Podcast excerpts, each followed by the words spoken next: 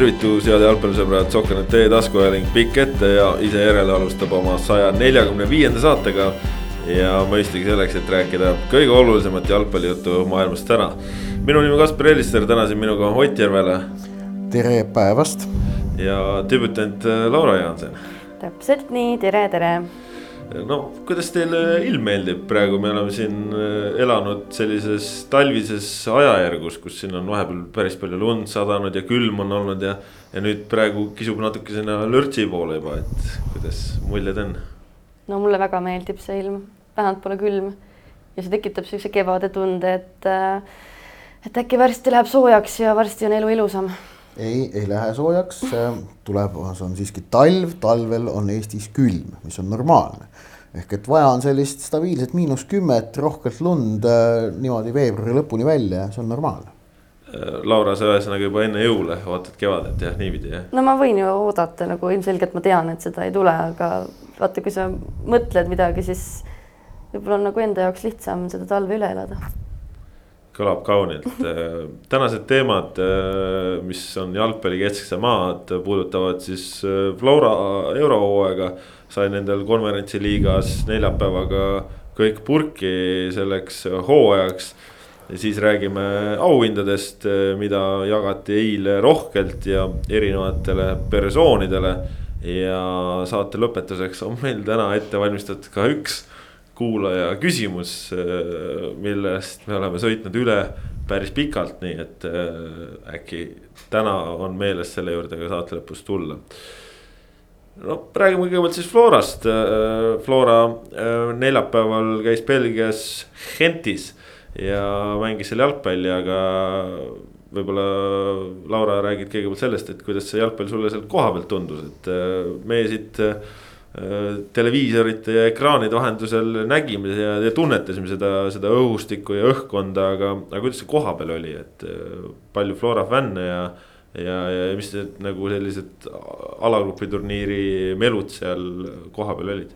no kui aus olla, siis ega seal noh, seda melu nagu nii väga ei olnud, et noh, kui ma istusin ju seal meedia nii-öelda, ma ei tea, tribüünil või seal meedia koha peal ja see on ju väga palju kõrgem ja väga palju eemal sellest, kus on nagu pealtvaatajad, et siis sa ikkagi vaatad ju ülevalt alla neile ja sa ei ole selle sees nagu nii väga, näiteks kui sa oled siin Lillekülas on ju, et et selles mõttes nagu ma tahtsin nagu mingit või ootasin nagu mingit suuremat emotsiooni, aga, aga selles mõttes noh, ikkagi on kõva tunne, et ikkagi laul oli üleval ja lipud lehvisid ja ja Flora fänne, keda siis oli ka rekordiliselt kohal, et umbes kuuskümmend pead või, või midagi sinnakanti, et äh, neid oli ka tegelikult hästi kuulda, et äh, selles mõttes noh, see oli nagu tore, aga jah, ma nagu nagu tahtsin äh, midagi veel, ma ei tea, mida. rekordiliselt siis on ju konverentsiliiga seal alagrupi turniiri mõttes, et, et noh, varem on Flora suutnud ikka ka suuremaid seltskondi välismaale viia, ma arvan. noh, Rootsis, Rootsi näiteks ja niimoodi. Võib-olla, võib-olla. Äh, kuidas äh, linna plaanis nagu jalgpalli õhustik välja paistis, kas paistis, kas nagu Hendi peal liikudes oli tunda, et mängitakse jalgpalli ka seal linnas või, või ei, ei olnud üldse märki sellest? märki oli väga vähe, mäletan ühes suveniiripoes olid mingisugused need mängusärgid äh, seal noh, klaasi tagant näha, aga põhimõtteliselt toimus seal tavaline elu, ma ei tea, inimesed voorisid niisama ringi, et et tõesti niisugust, äh, sellist melu ei olnud, noh, kui siis ainult, et kui Flora fänne seal oli märgata, et siis noh, nemad tekitasid seda melu, aga jah, kohalikke fänne nii väga ei kohanud. kas ultrafännide põhiline äh, jälestusobjekt äh, Pool ja pool sall oli müügis? ikka muidugi Ja no, no on, no vaata seda ju. no see ongi, kuidas sa vastasvõistkonda enda peale kannad ja. jah, et see on see, mida, mis, mis on noh, kaasaegne üks moodsamaid jalgpallisuveniire tegelikult, et iga mängu jaoks tehakse ju eraldi sall ja noh, ongi pool ja pool sallid, et, et noh, mitte ainult kusjuures rahvusvaheliste mängude jaoks, vaid noh, tippliigades ka täitsa meistrivõistluste reakohtumiste jaoks. aga neid on jah, et siis äh, et, et eh, noh, kes Twitteris eh, tahab eh, natukene mõned tunnid seal lihtsalt endal ära kaduda ja sinna jäneseurgu nagu sukelduda, siis see on väga lihtsalt võimalik, pane half and half scarf on ju endal otsingusse ja hakka lugema, et sealt nagu tuleb, tuleb seda kraami, miks see kõik on tegelikult moodsa aja jalgpalli kõige kurjem leiutis, leiab ja, aga lähme mängu juurde ka veel enne, kui me läheme sealt võib-olla üldisemalt Flora aasta juurde.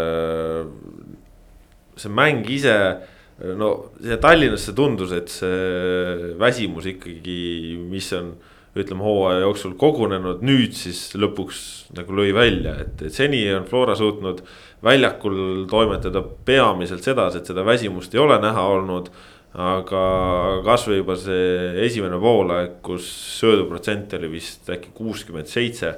Äh, mis on ikkagi ikka väga-väga madal, et kas see, see väsimus nagu kumas koha peal ka läbi, kui sa. kui sa näed kogu seda suurt pilti, laiemat pilti, mitte ainult seda, mida konkreetselt sulle režissöör näitab no ma arvan ikka jah, ja ma arvan, et see mingil määral isegi kui see ei kuma läbi, siis sa nagu mõtled selle peale, et sa tegelikult saad aru, et nagu noh, nad on ka väga raske ülesande ees, et et noh, sa pead ennast nagu päris kõvasti motiveerima ka, et ikkagi sealt seda tulemust kätte saada, et noh, jah, näha oli, et no just a la näiteks Kenna Kallaste puhul, kes seal ka ikkagi noh kuivõrd ta ju ka välja võeti esimese poole järel tõenäoliselt ju mingi vigastuse tõttu, et. ja ilmselt no, see, mis ta kohe seal esimesel-teisel minutil sai. jah, et noh, näha oli ka tema sammust näiteks, et see esimene poole lõpp oli tegelikult noh, tema jaoks ka juba päris raske, et. et jah, eks noh, kõva ports oli ja, ja teatavasti jah, võib-olla ei olnud tõesti seda värk, värskust, mida, mida oleks seal väga vaja olnud. Mina selle väsimuse ja puuduliku värskuse argumendiga ausalt öeldes mulle see väga silma ei jäänud, ma ei, ma isegi võin öelda, ma ei ole tegelikult sellega väga nõus või, või kui, kui nagu, kui nagu nimetada Flora esitust selles mängus väsinuks, siis tuleb tõdeda, et kui sa nagu väsinult mängid Belgia tipuga niimoodi, et kaotad null-üks ja, ja seda ka tänu sellele, et kohtunik oli udu, mitte vabandust, mitte udu, vaid noh, totaalne udu, äh, siis, äh, siis see on nagu kompliment. aga noh, jah okei okay,, ei olnud sellist nagu võib-olla ikka särtsu ja hoogu nagu kaks nädalat varem kodus partisani vastu ähm,. aga eks, eks seal oli ka selgeid emotsionaalseid põhjuseid, ma arvan, miks see mäng oli Flora jaoks veidikene keerulisem, kui sa neli päeva varem oled meistritiitli kaotanud, siis see noh, mingi jälje emotsionaalselt ka jätab. just, mõtle, mulle võib-olla tunduski, et, et see emotsionaalne jälg nüüd siis Äh, ütleme, ütleme, et rakenduski siis koos, ütleme, et kõik need halvad asjad said nagu kokku, et, et ta tõigi selle väsimuse välja, et kui sul varem. sul, sa olid kuidagi emotsionaalselt hoopis nagu kõrgema tooniga. Et siis nüüd, kui see toon langes või läks madalamale, et siis tuli ka see, ütleme, inimlikkus võib-olla tuli mm. nagu tugevamalt esile. aga kui me võtame selle Flora neljapäevase esituse ja meenutame seda, mida tehti septembris Henti vastu siis vaat, vaat toona oli see, kus Flora oli tegelikult selgelt nagu hädas. no et noh, kes mäletab seda esimest kodumängu konverentsi liigas. no see oli Flora jaoks kõige keerulisem eurosarja mäng sel hooajal äh, noh, Hent oli siis nagu kuigi, tohutult hea. kuigi seal, küll... kuigi seal oli ka häid perioode siiski. ja, aga tulemus oli küll null-üks, aga noh, tegelikult ütleme mängupildi järgi Hent oleks võinud selle kahe või kolme väravaga ka võita. et, et see oli, aga, aga Flora noh, toona oli nagu ikkagi päris korralikult kaitsesse surutud, Igonen tegi minu meelest, kui ma õigesti mäletan, väravas väga hea mängu. Äh, päästis seal mitu asja. aga, aga, aga noh, seekord mängiti Hentiga juba hoopis nagu südikamalt kui äh, kolm kuud tagasi kodus. Äh, mis ilmselt on ka üks asi, mis näitab seda, kuidas nagu Flora siis selle eurosarja käigus ja ka selle alagrupi turniiri käigus üha paremini selle tempo ja nõudmistega suutis kohaneda. et lõpus, kus see võistkond peaks olema omadega sodi sest et ta on mänginud neli kuud järjest kaks mängu nädalas. on ju, eranditult. Äh, kus äh, nad on neli päeva varem väga valusal moel ja nad ilma meistritiitlist, nad peaksid olema ka emotsionaalselt sodid. Et vaatamata sellele kahele asjaolule suudetakse Belgia, mis on noh, Euroopas ikkagi selline noh, top kaksteist kõrgliiga kogu aeg olnud. Belgia kõrgliiga tippsatsiga mängida selline partii, kus sa pead tõdema, et, et punktist jäädi ilma ainult selle tõttu, et kohtunik oli totaalne udu. ja samas äh, siin peab. see, see nagu pole paha. absoluutselt ei ole paha, aga siin peab vaatama natuke seda Henti poolt, ehk siis äh, seda, et nende jaoks oli alagrupi võit kindel, nendel oli äh, koosseisus võrreldes viimase liiga mänguga kuus vahetust, võrreldes esimese mänguga Tallinnas Flora vastu viis vahetust algkoosseisus. ja ütleme, see esimese poole tempo ei olnud tegelikult väga nõudlik. Äh, ja, ja see oligi, ütleme, see vähene intensiivsus äh, avapoolel eriti oligi üllatav ta andiski Florale võib-olla veel tugevamalt võimaluse midagi teha. aga kus siis see Flora nii-öelda ma ei tea, siis halvad asjad välja tulid, olidki ju ründesuund, et, et kaitses muidugi, kaitses ka ütleme, et kui sul võib-olla ei ole nii palju särtsu sees, et kaitses sa noh targalt seismine on alati parem kui lollilt jooksmine aga, aga kokkuvõttes rünnakule minnes just need see söödueksimused, nii palju lihtvigu. kuidas selliste üksteise mõistmist, mis on olnud Flora jaoks nagu A ja O, seda nappis väljakul. ja see oli nagu probleem ja see tuli nagu öö, ootamatult kuidagi välja. et öö, mulle nagu selle pealt see, see väsimuse asi nagu natukene tundus et äh, nojah, et kokkuvõttes, äh, kokkuvõttes muidugi äh, süüdikas partii on jah, et kui sa kaotad ainult null-üks ja, ja kui sa kaotad sedasi. veel eriti, et väravast, mida ei oleks pidanud olema. ja noh, penalti oleks pidanud jällegi lõpus olema. jah aga noh, jällegi ka, ka võib-olla see ründesuund oleks olnud teistsugune, kui oleks olnud valikus Rauno Sappinen on ju. et. nojah, jah Neid oleksid on rohkesti. jah, jah, et, et noh, või võib-olla asi, võib-olla see oli tema tõttu, et, et, et tema et, puudus, siis ei olnudki seda mingisugust ladusust seal. Hentil oli kuus muudatust, aga noh, et Floral oli ka muudatused, et, et, et sellest, seda nagu tuleb meeles pidada, et. Äh, Lillander ei alustanud, on ju noh, äh, Sappinen ei mänginud, noh, Floral oli ka nagu muudatus. jah, jah et äh, see ja noh, Miller oli ju ka samamoodi jäi välja võrreldes siis näiteks Partisani mänguga ja, ja ka tegelikult viimaste liiga kohtumistega. et äh, seal oli jah neid äh, vangerdusi, aga noh, ütleme, et endale enne mängu tundus, et, et kui kuskilt nagu nüüd nõelata ja nägid seda Henti koosseisu, siis tundus, et no äkki, äkki nüüd.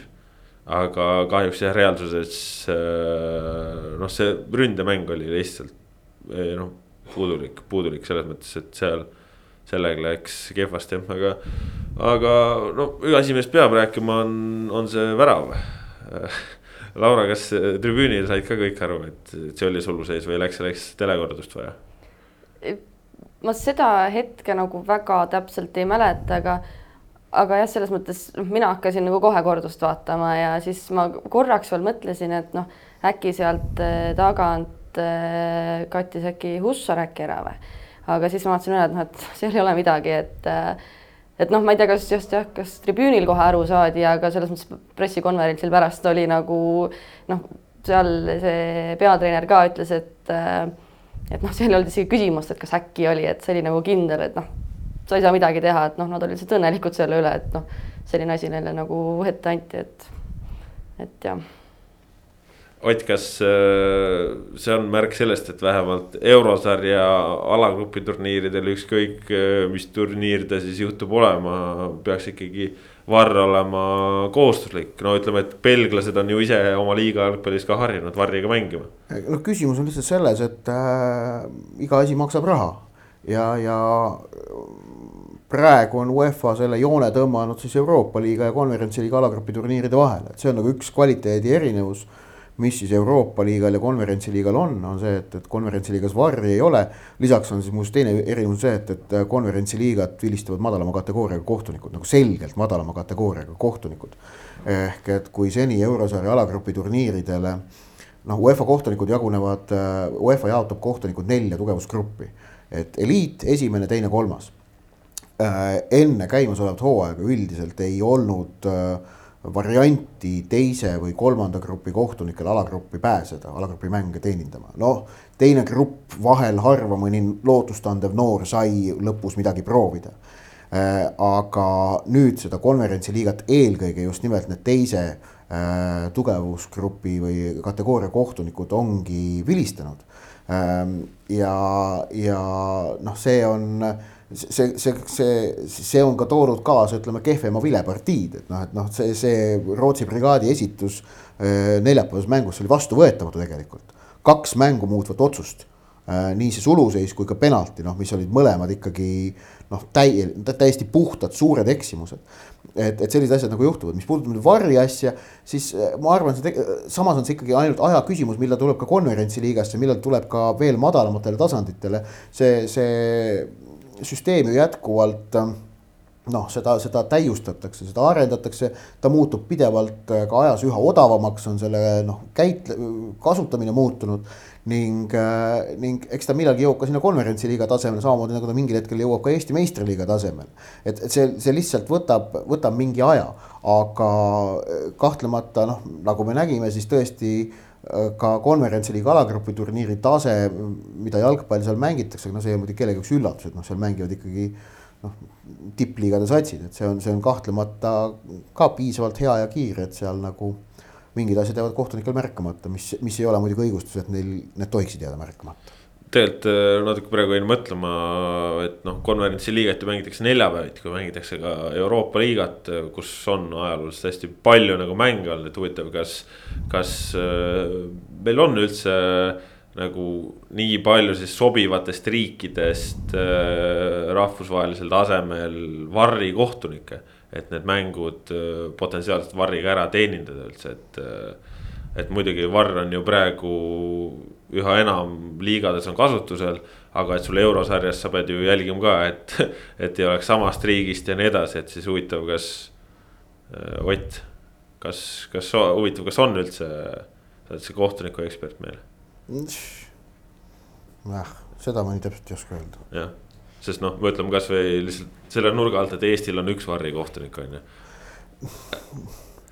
nojah, noh see, vot see on ikkagi on, see on nagu selline kompleksne küsimus, seal ei saa nagu niivõrd nagu detailidega ma arvan mm. minna, et see, see nagu mingil hetkel see, see varri nivoo nihkub. ei no kindlasti jah. nihkub, nihkub nagu noh, see on nagu selline, kuidas öelda erosioon, vaata, et noh mm., nagu kõrb tuleb peale, Sahara kõrb tuleb üha igale poole, laieneb üles ja alla. varsti laotub üle terve Aafrika, siis noh, varr laotub varsti üle terve jalgpalli. Säärane siis ökoloogiline paralleel siia meie podcast'i. kaunis äh, no,. Laura... ma ei ole kindel, kas see paralleel oli kõige õnnestunum või täpsem, aga. ta oli arusaadav vähemalt, ta oli arusaadav Laura, kui palju staadionil seda oli, et, et oli tunda, et Floral on ikkagi variant mängida veel edasipääsu peale, kas seda oli tunda? kas oli seal mingisuguseid seisu jälgimisi, mis, mis teises kohtumises või tegelikult väga mitte? kui ma nüüd hakkan meenutama, siis tegelikult ma seda küll ei mäleta, noh, ma ise jälgisin ilmselgelt, et mis nagu toimub aga no noh, staadionil küll mingi teadvustaja a la näiteks selliseid asju noh, küll ei kõlanud näiteks, et et pigem vist ei jah. Ott, kuidas sulle tundus, kas sellest mängust oli tunda, et edasipääs on veel äh, laual? No oli tegelikult minu meelest ju. sest et noh, vaata, kui nagu, sest et jah, Flora võis küll olla nagu tähendab, ma nägin seda kirge Flora mängides ikkagi. et vaatamata kõigele, noh, nad ju uskusid ka, ma ei kujuta ette, kas, ma ei tea, kas ja kui palju mängijatel anti edasi seisu. aga mina vaatasin, mis siis teises mängus oli, partisan Famagusta. aga mina nagu piilusin kogu aeg nagu teist seisu ka ja kui Famagusta seal avapoole lõpus üks-ühe ära lõi. Siis oli seis selline, et Flora edasipääs oli kahe värava kaugusel tolle hetke seisuga. lööb Flora ühe, lööb Famagusta ühe ja Flora on edasi see, see, see nagu oli noh, olukord, mida vist väga minu meelest väga nagu ei, ei kiputud nagu tol hetkel teadvustama või niimoodi, et. aga seis oli tõesti, et vahepeal oli seis see, et kaks väravat ja Flora on edasi. ja noh, ma ise.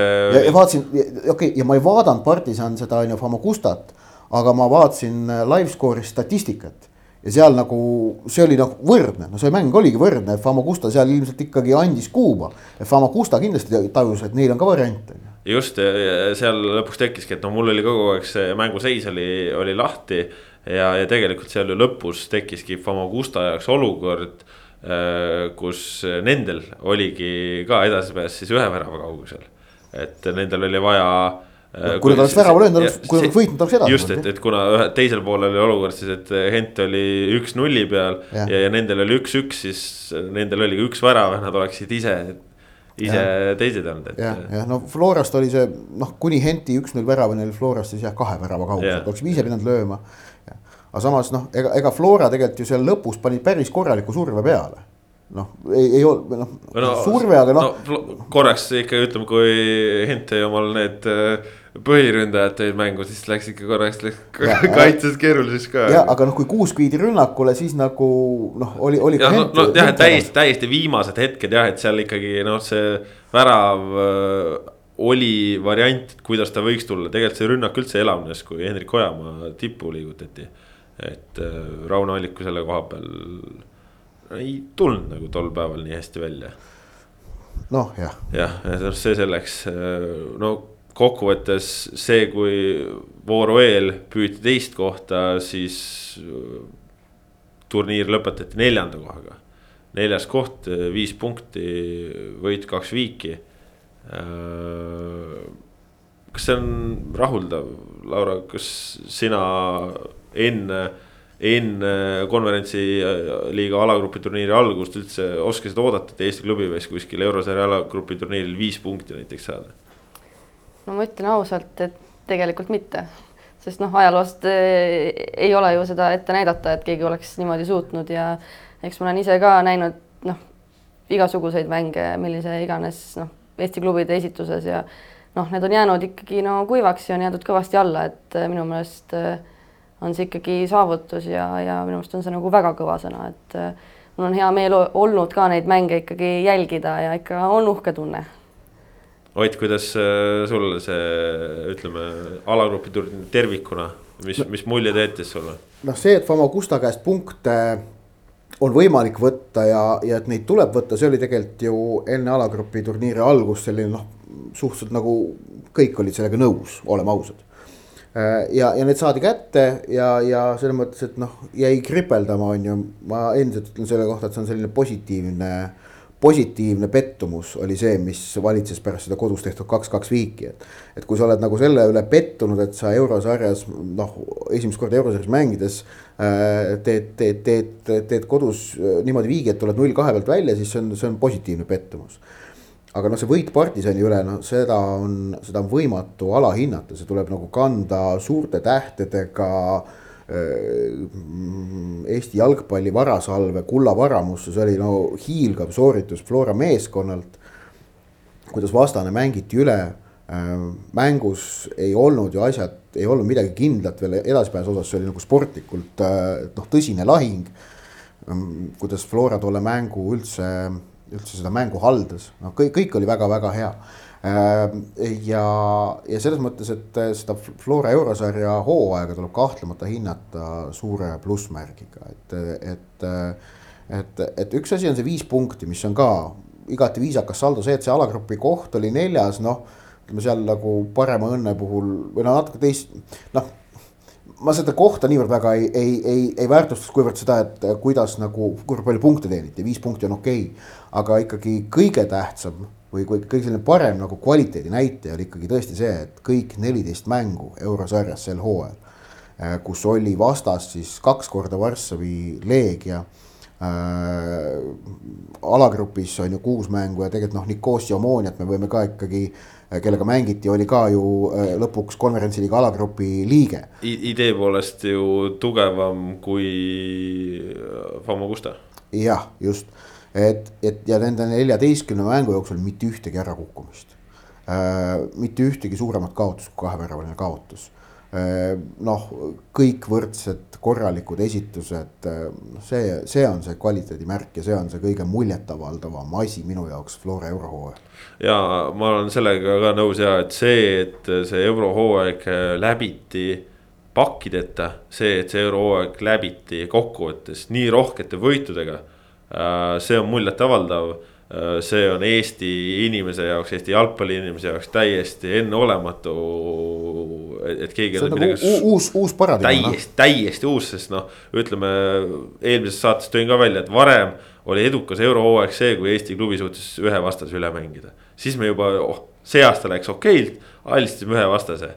nüüd, nüüd see Flora sai, mis see oli, kuus võitu siis või? kuus võitu, kaks viiki, kuus kaotust. kuus kaotust, et noh, saldo on pooleks, on ju, et, et ja see on. ja kusjuures nende võitude puhul on, on noh, näiteks see, et kuidas kodus tuldi selle Omonia vastu ju välja, et kahe mängu kokkuvõttes oli null kaks taga.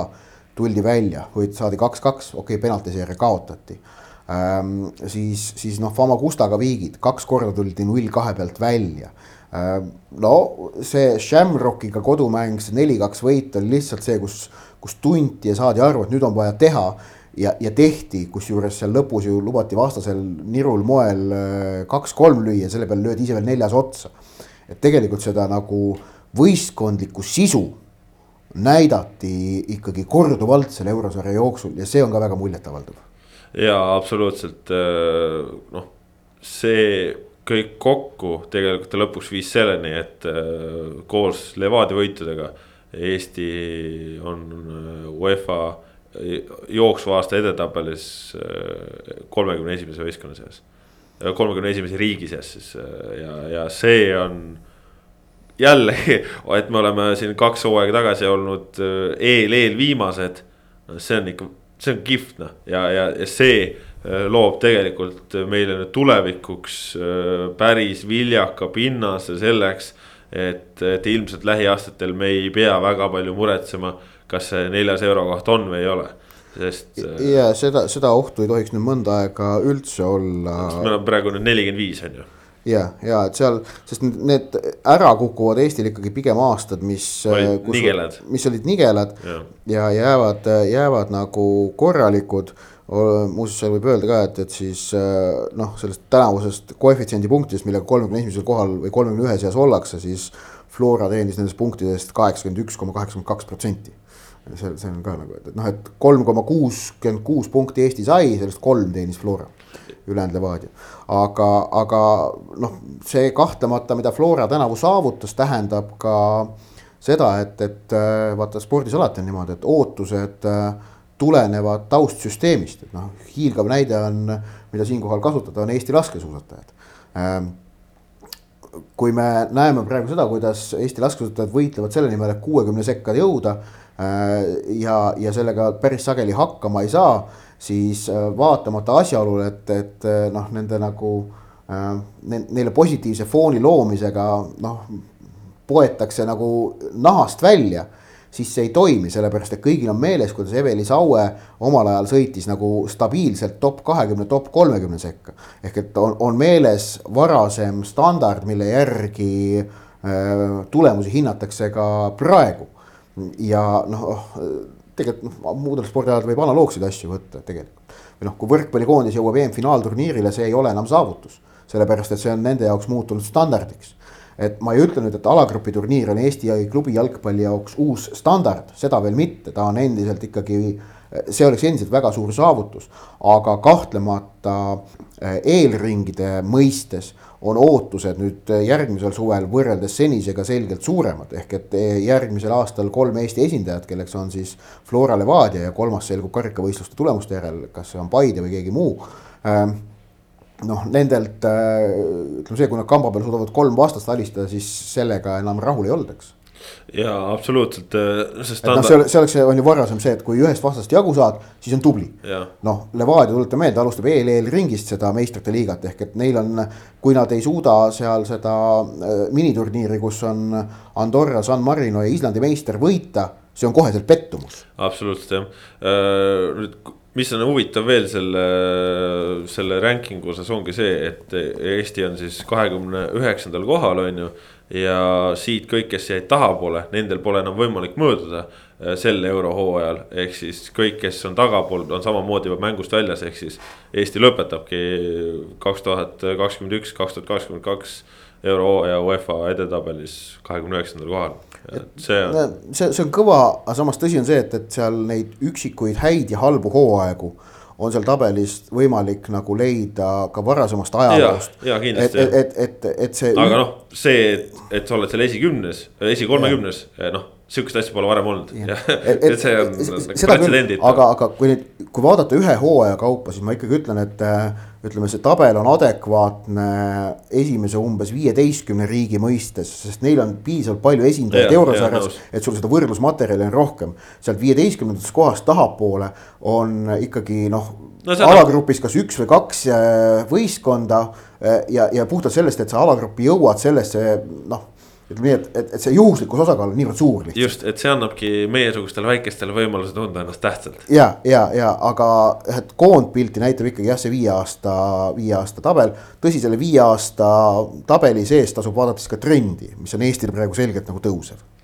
mis noh, kas me siis teeme nüüd uue jänesuruga lahti ja hakkame siis rääkima sellest, et kas ikkagi Eesti premium-liiga puhul tehtud noh, põhimõttelised valikud nagu KTM ja ETM reegel et kuidas siis nendega ikkagi on Euroopas võimalik edu saavutada või mitte, kui me näeme siin viimaste aastate lõikes teatud trendi eurosarjade tulemuste paranemise mõistes, siis, siis äkki. kelle vaate sai üle viie aasta esimesest vastasest jagu, et. just, et, et äkki, äkki on need asjad ikkagi ETM, KTM reegliga mingil määral seotud või mis? või siis äkki need ei ole ühegi reegliga seotud ja lihtsalt äh, võib ka seda olla jah. et Lätis-Leedus, kus äh, sarnaseid reegleid äh, vähemalt niivõrd rangel kujul ei ole, kuigi Leedus muuseas äh, mingi limiit tuuakse minu arust nüüd äh, sisse äh, kohalike mängijate kasutamise mõistes. ma lugesin selle kohta, täpselt meeles ei ole, et, et noh, neil äh, tänavu näiteks eurosarjas ei õnnestunud isegi ja isegi soomlastega võrreldes noh äh, Hoiko oli alagrupis, aga, aga oli nagu teistmoodi kui Flora. ja HJK oli siis alagrupis Tel Avivi Maccabi, Lindsey Laski ja Alas Kerdiga. Nemad said küll kuus punkti, aga nendel õnnestus ikkagi ka pakke saada, et seal Maccabi vist pani neile äkki viieka ja, ja nii edasi, et seal nende see väravate vahe ja selline sihukeses alagrupis. noh, mis noh, kokkuvõttes ilmselt suhteliselt sarnase tasemega Äh, et ei olnud ka nagu jah, suur õnnestumine, et ütleme, et Flora eurohooaeg oli isegi stabiilsem kui, kui soomlastel, kes on meile pikalt eeskujuks olnud, et äh,. jah, ma ei tea, kas hakkab siis paradigma nihkuma või, või tegelikult ei hakka, aga. no Hoiko sai äh,, sai ju niimoodi, et esmalt Laski käest null kaks, siis võitis Alaskerti neli kaks, siis sai Makaabilt null viis, siis sai Makaabilt null kolm, võitis kodus Alaskerti ja lõpuks sai Laskilt null kolm. ehk et äh, noh, jah, ja, pakid. ja HJK mängib äh, suures osas ikkagi väheste soomlastega. no noh, ikka neil on korralikult legionäre sees jah, see on tõsi. ei noh, see on jällegi, ma arvan, see on ikkagi liiga juhuslik võrdlusmaterjal. on küll, on küll jah. see, see on selline me, meelevaldne ja juhuslik ähm,. aga no meile sobib lihtsalt, me oleme nii väiksed, meile aga, meeldib. aga ma julgen seda küll öelda, et kui Flora või Levadia oma tänavuse koosseisuga mängiksid Soome kõrgliigas. siis äh, oleksid mänginud Soome kõrgliigas, ma arvan, nad oleks äh, pretendeerinud selle eurosarja kohtade teenimisele.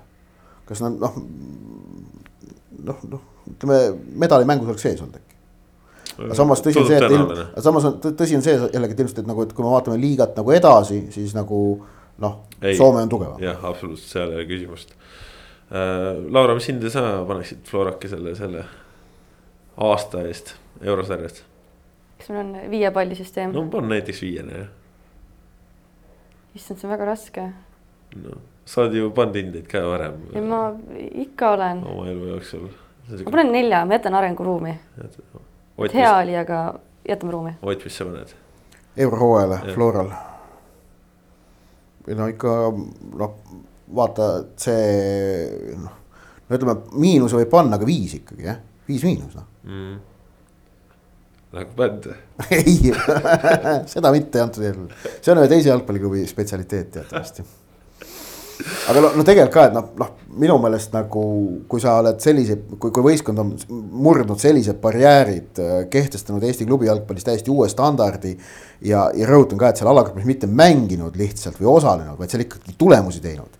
no see on väga hea. ei, see on, see on äh, väga, ütleme, et juba alagrupile pääsemisest oleks tahtnud viie panna, aga nüüd siit natukene jäi nagu kripeldama, osati küll kohtunike süü põhjal, et neid otsuseid, mis eurosarjas nagu valesti või vastu läksid, neid oli ikkagi noh, jagus kõige siis suuremad olidki Leegia kodumäng, kus ikkagi rööviti Florat ja samamoodi nüüd Belgias, kus noh.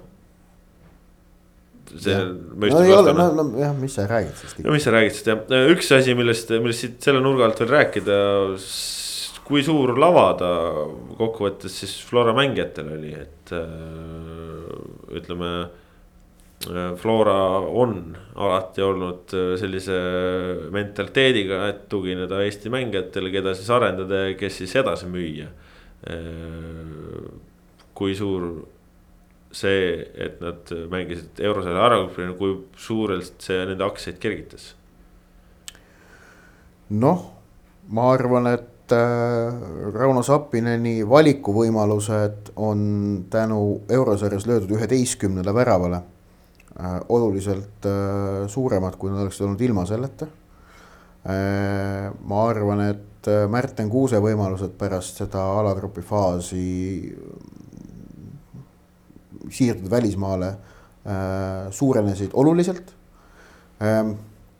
nüüd äh, noh, Matve Igonen on natukene teistsugune äh, case, sellepärast et äh, tema ei, tema leping Floraga lõpeb, ehk ta on vaba agent.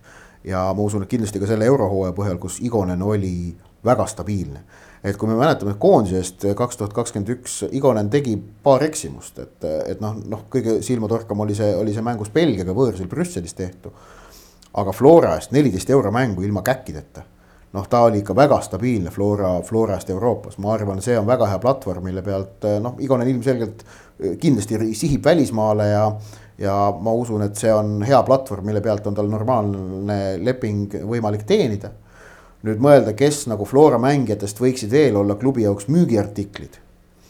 siis eh, noh, tähendab taseme mõttes kindlasti Sergei Zenjov ja Henrik Ojamaa aga nad on toodud klubisse teistsuguse perspektiiviga, nad on toodud äh, perspektiiviga, et nad äh, seda Florale pakuksid seda noh, rahvusvahelist kvaliteeti ja kogemust ja noh, nad ei ole müügis. Äh, ma arvan, vähemalt ei ole, noh tõsi, ilmselt kui tuleks mingi noh, väga hea pakkumine, ju nad oleksid jällegi, aga, aga, aga noh, nad ei ole toodud ju klubisse eesmärgiga. Nende pealt teenida. ja, ja noh, siis ülejäänud meestest ma arvan, et kõige reaalsem Äh, kes või nagu võib sel talvel liikuda, äh, on, on Markus Poom. Ja noh, just nagu selle oma sellise, sellise X, X-faktori kvaliteedi poolest, mis tal on nagu olemas, et ta, ta, ta hooaeg lõppkokkuvõttes noh, noh, stabiilsus on kindlasti asi, mida Poomil on vaja kõvasti parandada aga kui ta teeb oma seda kõige paremat mängu, siis see võib olla asjaolu, miks tema vastu tuntakse huvi välismaalt, ma arvan. ja tema on mainitud meestest ka kõige noorem, selgelt kõige noorem, ehk siis ütleme, teised on seal juba äh, seal kahekümne viie tuurise peale, mis on selline noh jalgpalluri jaoks küll okei okay, iga, aga, aga kahtlemata, et mida nooremana sa tegusid teed, seda, seda kergem on sul minna. Laura, kuidas su sisetunne ütleb, kas, kas siis lõpuks keegi läheb? ma arvan, et ikka, tundub nagu selles mõttes, ma arvan, et see on nagu suhteliselt äh, õige aeg nagu minekuks ka, et äh, et noh, kui sa ikkagi oled ju Eestis ja Floraga juba nagu piisavalt tegusid teinud, et siis võiks ju ennast kuskil mujal äh, proovile panna, et äh, noh, kindlasti ma ise näeks noh, samad nimed, keda ka Ott mainis, et et noh, need on, ma arvan, et kõik täiesti reaalsed. jah, no Sapineni puhul oli see juba väga reaalne aasta tagasi ja läksid asjad nii, et et erinevate asjade kokkulangemisel jäi siia, no nüüd on ka see äh, koroonaviirusega seotud olukord selles mõttes äh, jalgpallielus natukene taandunud, et jalgpallimaailm toimib jälle stabiilsemalt. Äh, natukene stabiilsemalt kui, kui aasta tagasi. Ja, ja see võiks ka anda siin tõuke juurde, aga noh, kokkuvõttes ongi, et kui sa oled liigas teinud stabiilse hooaja ja tõesti eurosarjas löönud sedasi, et noh Zappinen lihtsalt tõestas oma rahvusvahelist kvaliteeti. ja, noh, ründajaid tahetakse alati, nende järgi jalgpallis on alati nõudlus olemas, sest selle rahvusvahelisel tasemel selle palli võrku panemine on oskus, mida äh,, millest väga paljud räägivad, aga mida väga vähesed valdavad. Nii on, on ju, aga, aga jah, ilmselt muude positsioonidega on paratamatult keerulisem ning jah, kuigi jalgpallis asjad on stabiilsemaks muutunud nüüd võrreldes eelmise talvega, äh, siis äh, Eh, siis eh, noh, see on ikkagi ebaselge ja kindel, kuivõrd palju siis ütleme, need Euroopa keskmikud saavad ja julgevad raha kulutada. noh, see, see on ka seotud otseselt sellega, kuivõrd palju sealt tipust nagu allapoole seda raha laiali jaotub, see on püra-, see on, see on nagu püramiid, et noh, et ülevalt pannakse sisse, siis ta hakkab allapoole laiali jaotuma. me teame, et ikkagi Euroopas mingites kohtades on finantsprobleemid jalgpallil tõsised. et kui Inglismaal ja Saksamaal on olukord hea, siis Hispaanias ja Prantsusmaal ei ole et ehk, et noh, näiteks see, ma arvan, see, see raha, mida Hispaania ja Prantsusmaa kõrgliiga klubid on ütleme mujal Euroopasse seni sisse pannud, äh, ostes sealt endale mängijaid see raha hulk kindlasti on vähenenud, mis tähendab, et aga noh, see jaotabki üle, üle Euroopa niimoodi ühtlaselt laiali. mis tähendab, et sealt omakorda äh, see, see on nagu tase, kuhu on ju Florast võiks nagu rihtida. noh, ütleme siis selle Euroopa edetabeli liigat kümme kuni kakskümmend viis või midagi sellist, on ju Äh, et, et, et siin, seal, kas seal seda raha on sama palju kui enne koroonat, ma ei ole kindel, ma arvan, et pigem ei ole veel. jah, see, seda, seda kindlasti jah, aga ütleme, et olukord on ikkagi ka parem, kui ta aasta tagasi oli. jah ja., nii on et noh, ütleme, mis on siis optimistlik plaan äkki, et äh, kolm lahku, et äh, realistlik, et kaks igal juhul ei. no ma arvan, et noh, Igonen, Kuusk, Sappinen lähevad Florast. et noh ne, neli müüki tundub juba või noh, neli lahkujat tundub juba kuidagi. kui veel keegi, siis pigem äkki oleks ikka üllatus. jah, just. aga nemad, nemad kolm peaksid minema. no Igonen siis öeldud ka jah, sellepärast, et tal leping lõpeb. No igatahes ootame põnevat talve. Flora jaoks muidugi veel hooaeg läbi ei ole. said nädalavahetusel karikasarjas oma U19 võistkonnast null neliteist jagu ja said siis suurepärase privileegi sel nädalal mängida Paide linnameeskonna kolmega. mis selles mõttes ei ole äh, Paide jaoks äh, kind- või noh, Paide ei ole kindlasti äh, nii kolmas, et, äh, et seal on ikkagi väga palju premium-liiga kvaliteeti ja kui äh, Jürgen Henn sai äh, nüüd nädalavahetusel Flora U19 vastu ikkagi noh Äh, väga tugevalt varumehi kasutada, siis ma arvan, et siin nüüd hooaja viimases mängus me näeme ikkagi natukene rohkem Paide kolme vastu ka, ka sellist äh, muskulatuuri, et äh, Paide siin mäletame mõned äh, aastad tagasi karikavõistlustel tegi Kalju elu tegi päris põrguks. Äh, et, äh, et miks mitte, äkki, äkki näeme veel seal midagi kihvti, aga jah, ühesõnaga Flora veel treenib, kui kõik siin ülejäänud premium-liiga on juba soojal maal puhkusel, et äh, elu on selline äh,. aga nädalavahetusel siis äh, jagati ka Eesti Vabariigi kõige tähtsamaid jalgpallilisi auhindu äh,. Peale selle ühe kõige tähtsama, mis on Soccerneti poolt välja antav äh, parim mängija tiitel, see tuleb ka sinna, hääletus käib ilusti Soccerneti portaalis, nädala lõpuni saate oma hääli anda, käige kindlasti. seal on hunnik kategooriaid, äh, tüki kakskümmend ja, ja saate seal igas kategoorias siis öelda, kes teie arust oli parim ja, ja kes mitte, nii et Sohkanetis leiate kindlasti üles selle. Ja, ja kindlasti hääletage, et on ka mängijate jaoks eh, tunnustus, eh, mida nad hindavad. aga, aga nädalavahetusel siis äh, anti välja noh, liiga poolt siis äh, parima mängija tiitel, mis läks Rauno Sappinenile aga millest me rohkem räägime, anti välja ka veel suuremad auhinnad, ehk siis aasta naisjalgpallur Innas Liitnis. pärast üheaastast äh, vahepeatust tagasi siis Ungarisse mõtteliselt see, see tiitel läks, Innas Liitnis kogus hääletusele kakskümmend üks punkti. edestas Karina Korki, Lisette Tammikut ja Kristiina Pannikovat, mullust võitjat. seejärel juba tuli Vlada Kubassova ja Pille Raadik ja nii edasi, no Laura kas võitis õige naine?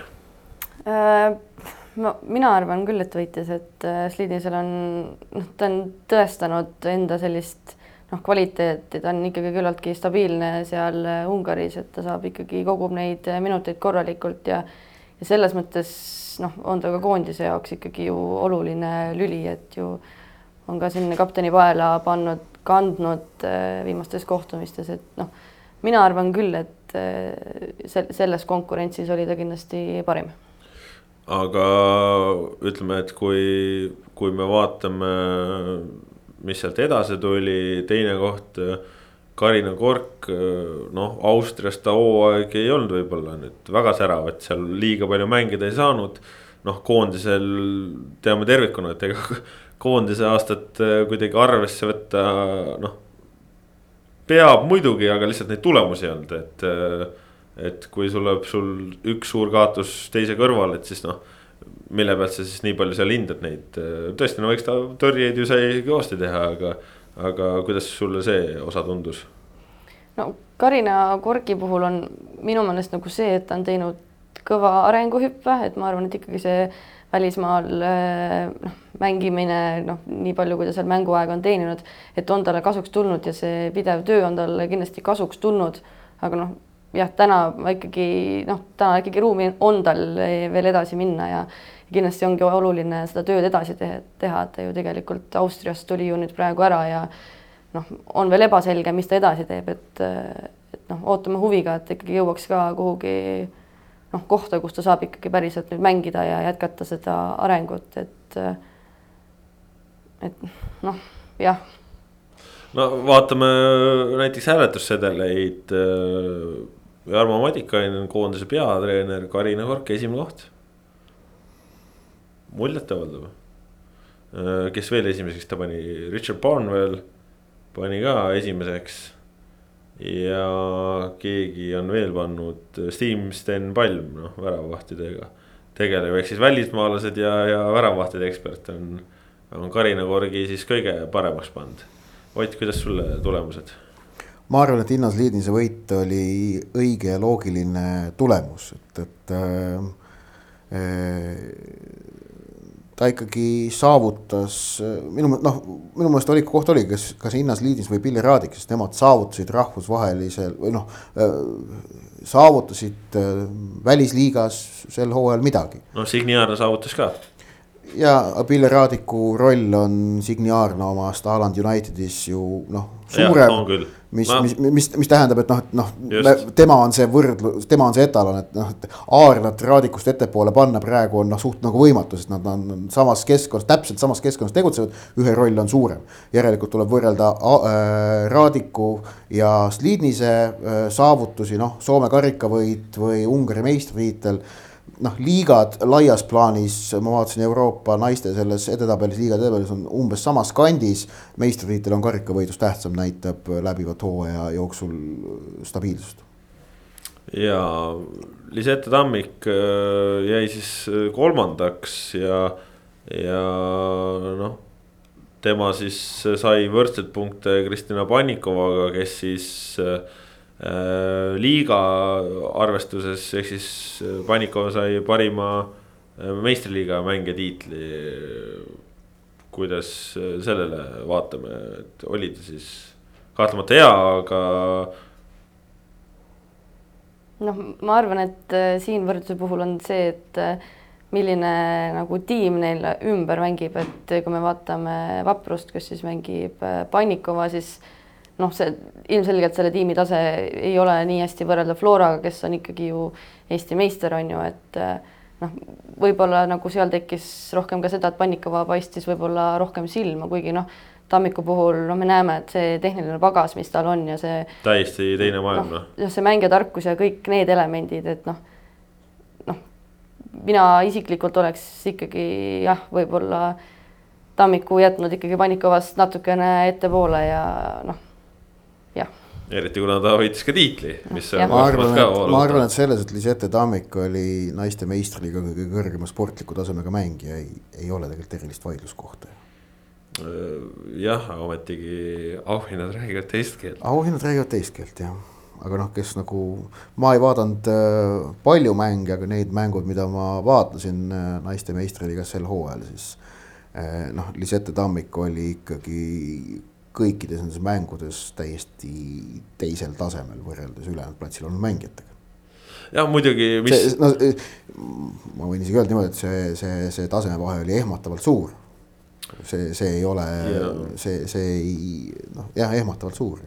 Äh, mis puudutab muidugi seda, kuidas üldse auhindade puhul hääletatakse ja, ja, ja mis on millise rolli või määraga, siis Siim Pulst kirjutas möödunud nädalal väga hea loo, leiate kindlasti selle üles ka, kus ta lahkaski just jalgpallis siis ütleme fakti ja väärtuspõhiseid hinnanguid ja, ja, ja, ja selliseid lähenemisviise, et see kindlasti aitab ka Äh, lahti mõtestada, kes soovib äh, veel laiemalt, äh, ütleme, oma ajukest siin nädala alguses tööle panna ja eelmisel nädalal ei jõudnud seda lugu lugeda, siis kindlasti soovitan, aitab ka natukene neid perspektiive, ma ei tea, kuidagi teise nurga alt või, või kuidagi laiemalt vaadata.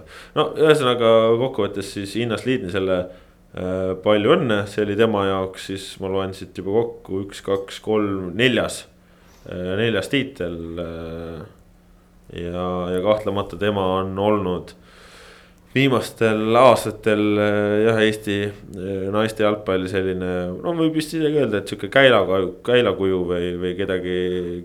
kelle karjääri suunas võiks nagu püüelda, et sa oled aastaid mänginud Euroopa noh, tugeval keskmisel tasemel kandvas rollis ja, ja võitnud tiitlid, et see on see, kihvt ja vägev. sümpaatne oli see, kuidas ta selles intervjuus ka pärast äh, seda tiitli vastamist tõi, tõi välja ka eesmärgi, et, et ja mis on nagu. no milleks oli siis äh, meistrite liiga noh, alagrupi turniirile jõudmine, et see on nagu äh, hea on näha, et seoses naiste meistrite liiga reformiga, mille Euroopa Jalgpalliliit UEFA tegi, on see ikkagi muutunud äh, noh, püütavamaks eesmärgiks ka nende liigade jalgpallurite jaoks, mis ei ole seal Euroopa need äh, täitsa tippmised kaks-kolm on ju, Hispaania, Inglismaa, Saksamaa. või noh, võtame veel ka näiteks Rootsi ja, ja Itaalia sinna juurde ja Prantsusmaa. et, et, et, et, et ka sellised noh, keskmike seas mõeldakse sellest et, eh, et noh, Ungari, Ungari meister mõtleb sellest, et nad tahaksid jõuda meistrite liiga alagrupi turniirile. sellega on tekitatud Euroopa naiste jalgpallis ikkagi selline uus sihtmärk, mille poole püüelda. kui seni oli tegelikult äh, ainukene noh, selline noh, saavutus Euroopas, klub, ma mõtlen klubi, klubivõistlustel. oli ikkagi selle noh, sellesama meistrite liigas noh, ütleme finaali jõudmine, võitmine. siis selle alagrupi faasi tekitamisega on UEFA tekitanud sellise uue nagu noh, trepiastme sinna, sinna sellele teekonnale, mida on võimalik noh, endale eesmärgiks seada palju äh, rohkematel võistkondadel, sest see eesmärk on küll keeruliselt, aga ikkagi realistlikult püütav. see on hea. ja no meeste puhul ei tekkinud äh, väga suurt küsimust, äh, kes võidab, ehk siis Rauno Sappinen teist aastat järjest.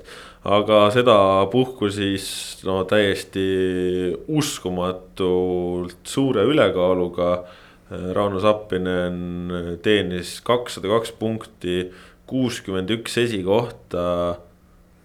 Konstantin Vassiljev siis neljandana lõpetanu teenis viis esikohta. ja teisel kohal lõpetanud Joonas Tamm koos ka viiendal kohal lõpetanud Mats Käidiga teenisid kaks esikohta, ehk siis. ja üks esikoht siis Karl Jakob Einale ja, ja Zakaria Beglarishvilile, aga noh, see Sappineni triumf on ikkagi noh, ikka ülivõimas. see oli üksmeelne otsus tegelikult noh, see, see, kui sul seitsmekümne neljast äh, arvamusavaldajast kuuskümmend üks ütlevad niimoodi, siis noh, see on sellisel konkursil selle kohta võib öelda üksmeelne otsus ähm,. aga ma arvan, mis selle nagu üksmeele põhjus või on, mis selle taga peitub ähm,. seal, seal on ikkagi see Sapini äh, pakutav emotsioon, mida Eesti jalgpallis pole varem kogetud. Ehm, Eesti klubi ründaja lööb rahvusvahelisel tasemel järjekindlalt väravaid ja tassib võistkonda oma väravatega. ma arvan, vaat, vaat sellist asja pole, pole Eesti jalgpallis ju varem olnud. Ehm, ma arvan, et see nagu otsustaski lõpuks ta, ta, ta muutus äh, Flora alagruppi pääsemise, mis oli sel hooajal Eesti jalgpalli äh, suurim äh, saavutus ja kordaminek, ehk et Flora alagruppi pääsemine oli suurem saavutus kui Balti turniiri võit. ja, ja, ja ka tähtsam, siis ta, ta muutus selle sümboliks oma väravatega ja sellega ja, ja ka oma hoiakuga väljakul selle noh kuidas öelda, no kuidas, noh, me teame küll, et Zappini mäng on selles mõttes, noh, ta on, ta on nutikas, ta on tugev ta on äh, töökas, ta on ka kiire ja ta ka osav ja noh, aga see, see, see sitkus äkki ja see äh, vankumatu allaandmatus, mida tema mängust nagu väljakul läbi kumab. see muutus Flora selle eurohooaja sümboliks ja seeläbi vaata noh, neid neid auhindu, mis on individuaalsed auhinnad, neid ju võidetakse väga sageli ikkagi sümbolväärtuse põhjal. Äh, noh, Raio Piira ükskord valiti Eesti aasta parimaks jalgpalluriks niimoodi, et ta koduklubiga kukkusid Norra kõrgligast välja. aga ta oli sümbolina koondises niivõrd tähtis, et ta valiti toona, võitis selle asja. või, või ka samamoodi, et noh, et Lio, miks, miks võitis Lionel Messi on võitnud niivõrd palju või Cristiano Ronaldo ka, miks nad on võitnud niivõrd palju Ballon d'Ore. Äh, noh enamik neist auhindadest on nad võitnud jah, muidugi oma, oma ka sportlike saavutustega, aga, aga mingil hetkel aitab neid kaasa ka sümbolväärtus. Sapineni puhul noh, muidugi tegelikult ega, ega sportlikult ka kellelgi nüüd ei noh, okei okay,, Joonas Tamm mängib kõrgemal tasemel on ju, ta mängib Ukraina kõrgliigat, mitte Eesti kõrgliigat. aga, aga, aga Sapinen jah, see sümbolväärtus oli see, mis andis tal Tamme ees väga selge edu, et, et noh, sportliku taseme mõttes see konkurents oleks pidanud olema tihedam, kui ta tegelikult lõpuks oli Laura, kuidas sa vaatad sellele peale?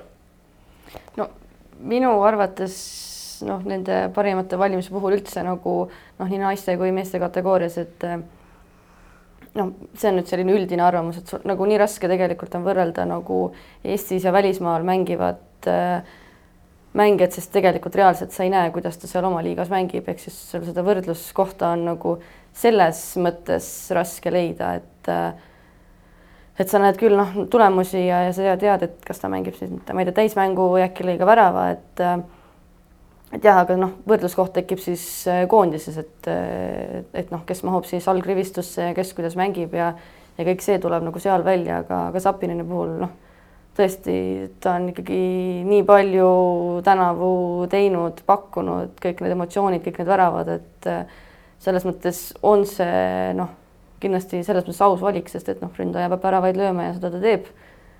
aga noh, jällegi tõesti noh, kaitsjatel ja noh, jah, kaitsjatel üldiselt on võib-olla keerulisem ka silma paista, et kui sa nüüd äh, ju seal noh, nahaalseid neid palle klaarid ja kõike seda, et äh, jah, siis, siis sa oled nagu tubli ja hea, aga nagu et millisel hetkel nagu hakkad sina nagu silma paistma, et seda võib-olla on noh, kaitsjatel mõnikord nagu keerulisem äh, leida ja mis on huvitav, äh, või noh, ma ei tea, kui huvitav ta nüüd on, aga, aga näeme jälle, et äh, ikkagi sellel hääletusel, kus siis osaleb Eesti Jalgpalli klubi.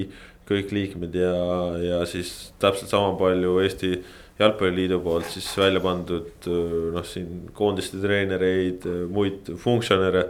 näeme seda, et ikkagi koondise roll hääletu sees on erakordselt suur, erakordselt äh, kõvasti või paljud hindajad äh, eelistavad just neid äh, siis koondises näidatud mänge, kolmas koht, Karl-Jakob Hein. koondises tõusnud ütleme ka selliseks sambaks, võib-olla isegi oluliseks lüliks seal koondise väravasuul samas jätkuvalt äh, ei ole meeste klassis mänginud elu jooksul mitte ühtegi võistlusmängu klubi rindel. no nii ja naa, samas ta on, fakt on see, et ta on Londoni Arsenali kolmas väravvaht. praegu neljas. ei, ta on, noh, ta on. aga praegu neljas ju. Ei ole, ta on kolmas no,. praegu on ju Leno ja Okonkwo on pingil. ei, ei, aga noh, ta on vigastatud. no jah ja aga ei no selle hooaja tegelikult seis on see, et Karl-Jakob Hein on Londoni Arsenali kolmas väravvaht. see on asjade reaalne seis, et see ongi tema saavutus. ka klubirindel on see tema saavutus. väravvahtide puhul see asi käib teatavasti paraku natukene teistmoodi kui väljaku mängijatel, et sul neid sul, sul neid väikeseid minuteid mängu lõpus võimalik saada lihtsalt ei ole, noh, noh. Ütleme tema staatuses Arsenali ütleme väljakumängija, kes, kes, kelle ütleme selline noh staatus võistkonnas oleks, oleks umbes sama, ehk et varumehe varumees oleks ilmselt oma võimalused kuskil mingid minutid juba kätte saanud, aga väravvahtide seas varumehe varumees ei saa mm. -hmm. Seda küll, äh, aga noh, see, see, see näitab seda ka jah, kui, kuidas ikkagi see, kuidas ta koondises see.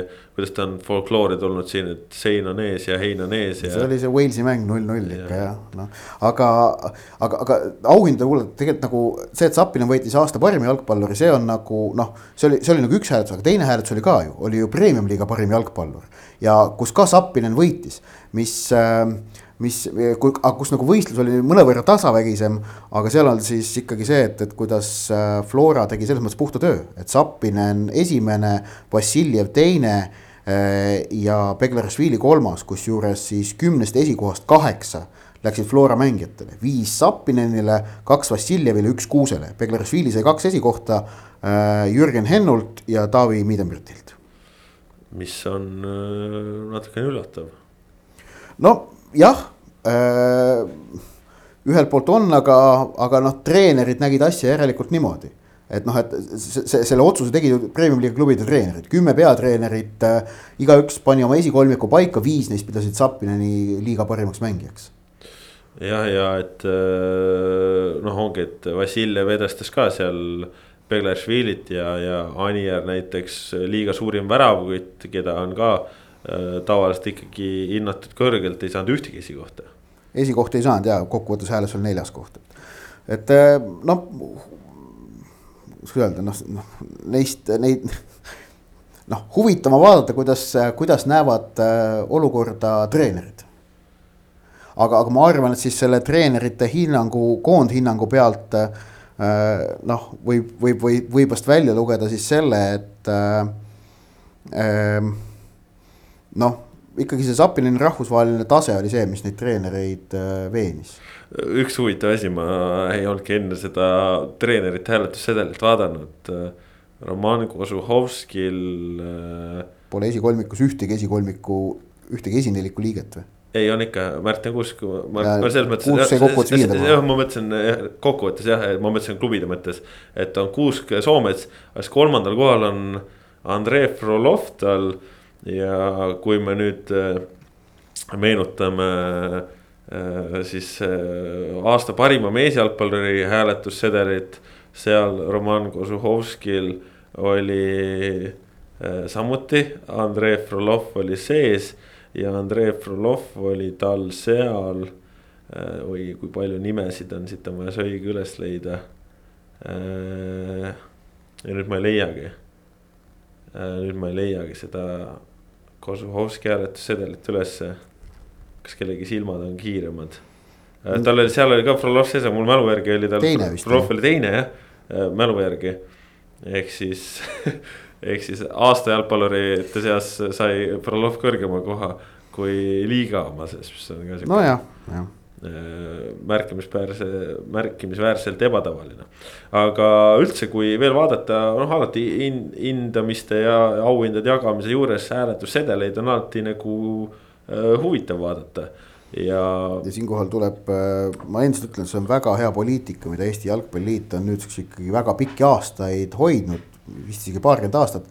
et kõik need hääletustulemused avalikustatakse, et need, need, need, need valikud on avalikud, et see on protsess, on läbinähtav Äh, kõik saavad aru, äh, kuidas ja miks need, need asjad valitakse. Äh, ja, ja, ja sellega tegelikult Jalgpalliliit on ju andnud eeskuju Eesti Olümpiakomiteele, kes on aasta sportlase valimistel nüüd viimastel aastatel ka läinud see, et need valikud on avalikud. leidsin Kozlovski sedeli üles ka, seal tal oligi Frolov siis jah, teine aasta meesjalgpalluri omal siis on Kuusk, Frolov ja Zappinen.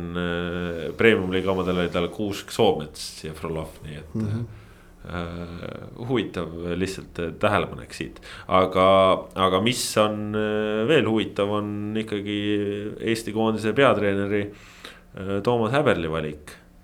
ja Toomas Häberli tegi siis sellise valiku, et temal oli esimene Konstantin Vassiljev.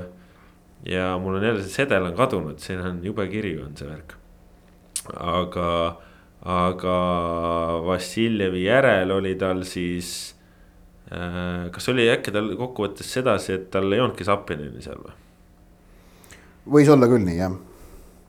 mul ei ole praegu. leitud äh, Konstantin Vassiljev, Joonas Tamm, Karl-Jakob Hein ehk siis äh, Toomas Häberli, Eesti koondise peatreener äh,. ei pannud oma esikolmikusse Rauno Sappineni, kes lõpuks võitis ülekaalukalt. noh, jah. Huvitav lihtsalt ja see näitab no. Äh, näitab äh, ka noh, mingisuguseid asju, näiteks muuhulgas seda kui tähtsaks lüliks peabki Häberli koondises äh, Konstantin Vassiljev. mitte, ma arvan, mitte ainult koondises, vaid ka Floras.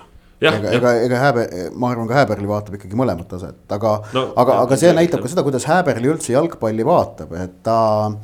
Kui me mõtleme tema stiilile ja tema retoorikale ka, mida ta on läbi aasta ju, millega me oleme nüüd aasta aega tuttavad olnud Mm, ta ikkagi seda, seda vaimset poolt ja, ja, ja usku ja seda noh, kuidas öelda, spirituaalset tasandit peab tohutult äh, tähtsaks ning ju ta siis näeb, et Vassiljevil on seal kanda liidri roll, mis mingi statistilise näitajaga ilmselt ei tulegi välja. aga tema kui Eesti koondise peatreeneri meelest on see väga oluline. ja, äh, ja, ja võib-olla üks nüanss veel mida mainida, mis on siis ja natukene ikkagi uutmoodi asi, et äh, Sakarja Beglašvili kokkuvõttes kaheksas koht, üks esikoht. ja, ja on siis lõpuks äh, Eesti aasta parima meesjalgpalluri valimisel ka kätte jõudnud koht, kus ei ole jalgpallilist kodakondsust äh, vaja Eesti oma, et kui sul on Eesti pass, siis, siis see on määrav, nii nagu ta on alati olnud. Ja, ja Beglašvili siis debüüdina, et äh, esimest aastat äh, selles valikus ja, ja kohe sai nimekirja, mis on selles mõttes äh, kihvt. Ja noh, tegelikult ju Saka fenomenaalse hooaja tegi, võitis tiitli, oli väga resultatiivne, et. Et ma, ma pean ütlema, et ongi, et ega mul ka endal selles mõttes, et mõttekohana käis Beglašvili seal läbi ikka selle koha pealt, et noh, ongi, et Eesti ju pass tal on aga, aga mina lähtusin siis jah sellest, et sellist jalgpallilist kodakondsust tal ei ole, ehk siis Eesti koondist esindada ei saa ja ja. vaata seal on see, et see, et ta Eesti koondist esindada ei saa, see minu jaoks teda valikust ei nagu kindlasti ei eemalda, aga. lihtsalt see, et ta, ta lihtsalt asjaolu see, et, et tema panus koondise tulemustesse on null. noh, temast mitte tulenevatel asjaoludel see lihtsalt paneb ta sellel konkursil võrreldes teiste Eesti jalgpalluritega kehva seisu. ehk et teised Eesti jalgpallurid saavad seal konkursil lüüa letti nii klubi kui ka koondise saavutused, aga Beglerashvilil on ainult klubi saavutused võtta. mis, mis ma arvan, kahjuks pikas plaanis tähendab ka seda, et noh, et ega Beglerashvilil seal ka järgnevatel aastatel muud varianti ei ole, kui, kui vahest mõned üksikud punktid noppida. et noh, nii need asjad lihtsalt, lihtsalt toimivad no okei okay,, kui ta järgmine aasta Levadia mm, konverentsiliigas alagrupi tassib, siis ma arvan, on varianti küll. siis, siis kahtlemata oleks näiteks ähm,. no siis, siis olekski teine mõõde juures lisaks premium liigale. Et nii no, nagu Sapinenil no, oli teine mõõde juures eurosarja. no jah, ju vist jah, just äh,. aga, aga noh, see, et, et, et, et Beglarishvili seal ankeedil on mõnedel inimestel täiesti nagu normaalne. jah, absoluutselt äh, parim treener Albert Volrati nimelise auhinna, mida kusjuures jalgpalliliit nagu ise ei käinud kuskil nagu väga suurelt välja, et. Äh, et noh, seal galal, ma ei tea, kas Albert Volrati nime üldse mainiti, et tuli ühel hetkel lihtsalt aasta treener. Ja, ja siukse kujundusega seal ka, et kodulehel vist õnneks ikka mainisid, aga Jürgen Henn, Laura, mis, kas võitis õige, et temal seal lähimad konkurendid olid Toomas Häberl ja Aleksandr Živoldajeva ja ja, ja Kalkin, et äh, selles mõttes. Premium-liiga meistritreeneri mitte. no mina, lihtne lühike vastus on jah, võitis õige. võitis õige jah ja.? Nägid sa tal kedagi suurt konkurenti ka olemas? no noh, kui mina neid nimesid nagu vaatasin, et siis ikkagi mõtlesin Häberli peale ka, et ikkagi ta on ju seda uut värskust ja uut verd ikkagi toonud ja, ja üldiselt ka temaga selline noh, kuidagi hea aura käib kaasas, vaata, et nagu persoonina tundub ju ka meeldiv, noh, mis on Henni puhul noh, samamoodi, et et noh, jah, põhiline duell minu jaoks käis nagu nende vahel, aga ikkagi ma arvan, et see konverentsiliiga või edu Euroopas ikkagi jäi nagu Henni puhul või sai ikkagi määravaks. nagu öeldud, Flora konverentsiliiga alagrupi turniirile jõudmine oli Eesti jalgpalli kahe tuhande kahekümne esimese aasta suurim ja tähtsaim saavutus.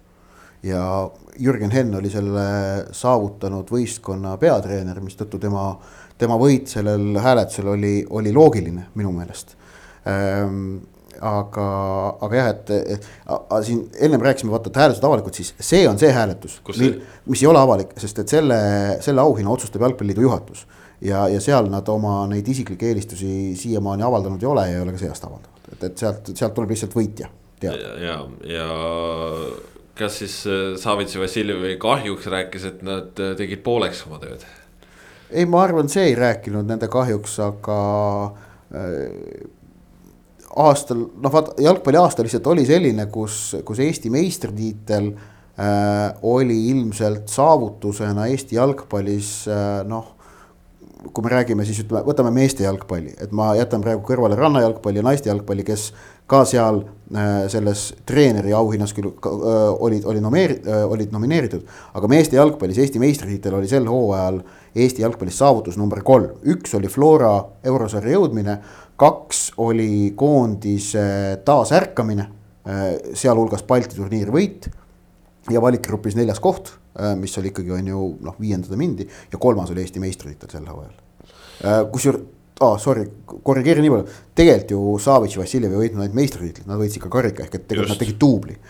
aga, aga jällegi, et, et siin, siin, siin noh, see emotsionaalne pool on ka tähtis ja, ja kuna koondise seda noh, taasärkamist oli niivõrd pikalt igatsetud ja Häberli suutis ikkagi noh, teha tohutu muutuse ellu kutsuda, siis tema tööd, ma arvan, seetõttu äh, hinnati aastal kakskümmend üks kõrgemalt kui, kui Savitši Vassiljevi tööd Levadias, mis noh, ma ütlesin, ühelt poolt on ju jäid nad sellel, selles kaalukausil nüüd kolmandaks, aga, aga teisalt ma tahaks ikkagi rõhutada, et Savitš ja Vassiljev noh, võitsid selle kolmanda koha, et nad, nad ikkagi, nad on võitjad Nad, nad võitsid sel hooajal Eestis peaaegu kõik, noh, kõik, mis võimalik. ja, ja noh, Euroopas jäi küll jäi küll natukene. no jäi kripeldama. kindlasti jäi jah no.. et, et noh, see nad oleks pidanud ja. edasi minema. aga lihtsalt, lihtsalt neil oli, oli, olid vastas olid äh, rivaalid, kellele sellel hääletusel ja konkursil, kellele neil nagu tegelikult ei olnud eriti varianti vastu saada, kui need rivaalid olid oma asjad ära teinud. see on umbes nii nagu selle aasta, aasta naissportlase valimine, et lihtsalt konkurents on sedavõrd suur, et, et tiitlivõistlustel säranud Epp Mäel väga häid variante ei ole nojah, et seal Kontaveit ja Lehis on kahekesti niivõrd kõrgel ees, no natukene ongi niimoodi, et Epp Mäel võitis, võitis EM kulla, MM hõbeda, aga tal pole varianti ka Eesti aasta naissportlaseks tulla. Et äh, noh natuke sihuke paralleel väike peas tekkis. Äh,. väga nii, hea paralleel. nii, nii palju auhindadest. Äh,, üks kuulaja küsimus ka kiirelt siia lõppu küsis meilt, kuule, Kristo Riima juba mõni aeg tagasi, aga, aga nüüd on meil meeles ja aega küll ei ole selle vastamisega, vastame ära ikka. vastame ära, küsimus on siis, et, et olete varem äh, taskuhäälingus lahanud niinimetatud jalgpallipaki äh, definitsiooni ehk et mitmest väravast algab äh, pakk äh,. aga, aga et äh, palub Kristo meilt, et me lahkaksime ka garderoobi värava definitsiooni, et et millised ajaraamid on õige garderoobi väravale asetada Laura, mis sina arvad?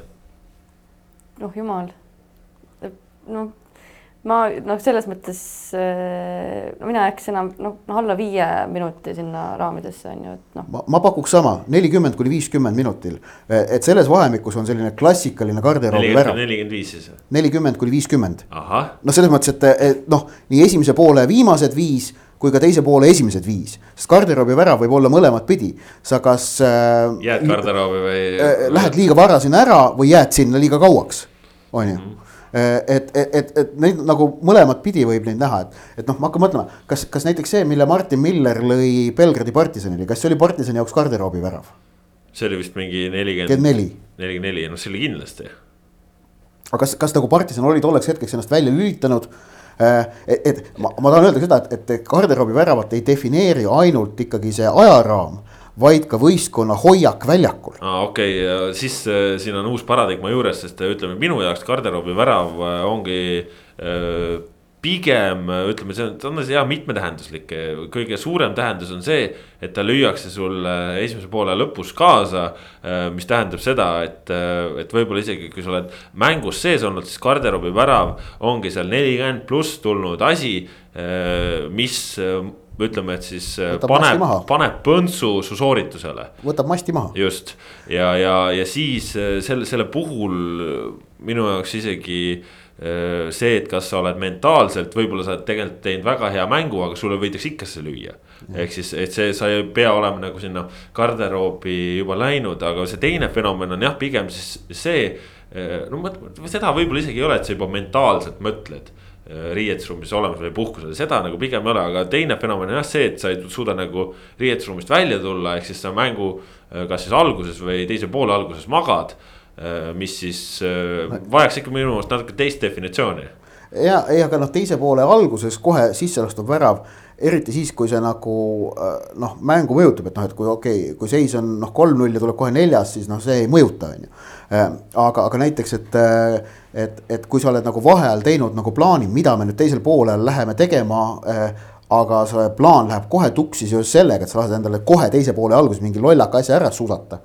Siis noh, see on ka garderoobi värav jällegi mõnes mõttes või ei ole või? aga äkki see vajaks mingit äh, nagu, et garderoobi värav vajab kahte žanrit. Äh, et klassikaline garderoobi värav nagu selle tähenduse, selle sõna tähenduse mõistes on ikkagi see, mis leiaks seal kuskil nelikümmend pluss sulle mm.. aga see on no see, mis tuleb teise poole alguses. või ka mängu alguses. see oleks midagi muud siis või? jah, võiks midagi muud olla äkki.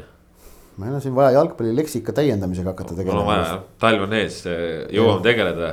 Traditsiooniline garderoobivärav on ühesõnaga ajaraami mõttes nelikümmend pluss, me nõustusime vist ühehäälselt jah. ja, aga mina ütlen seda, et minu meelest on garderoobi, jah, mina ütleks, et isegi klassikaliseks garderoobiväravaks paneks ka teise poole alguse väravad, ehk et mina aga..., mina ütleksin nelikümmend kuni viiskümmend minutit. aga mängu alguse väravad? natuke teine asi, natuke teine asi see vaheaeg, noh, mängu, mängu algus on natuke teine asi kui vaheajalt tulek. no siis sa oled lihtsalt, polegi voodist välja saanud, et ei ole. noh, no seal on, seal on, seal on mingid teised asjaolud mängivad, vaata, ma arvan no mõtleme selle üle, praegu saime mingisuguse määratluse kirja, eks kui teil on siin talveperioodil veel küsimusi, proovige meil need kuskil nii panna, et nad meile jääksid silma ette ja et me neid ära ka ei unustaks, eks saame näha, igatahes sellised olid äh, pikk etteheise järele saja neljakümne viienda saate jutud täna siin äh, Kaspar Elser, Laura Jaanson oma debüüdil ja Ott Järvela. Aitäh, et olite meiega, olge meiega jälle ja uued jalgpallijutud tulevad ka nädala pärast, äh, siis oleme juba pilkudega jõuludesse suunatud, vaatame, kas Laura unistus saabuvast kevadest ka nädala jooksul kohale jõuab või mitte. Ilmateade võib-olla isegi natuke soosib, aga võib-olla läheb ikka külmaks ka jälle. Nonii, egas muud midagi, kohtume jälle, kuulame jälle, adjöö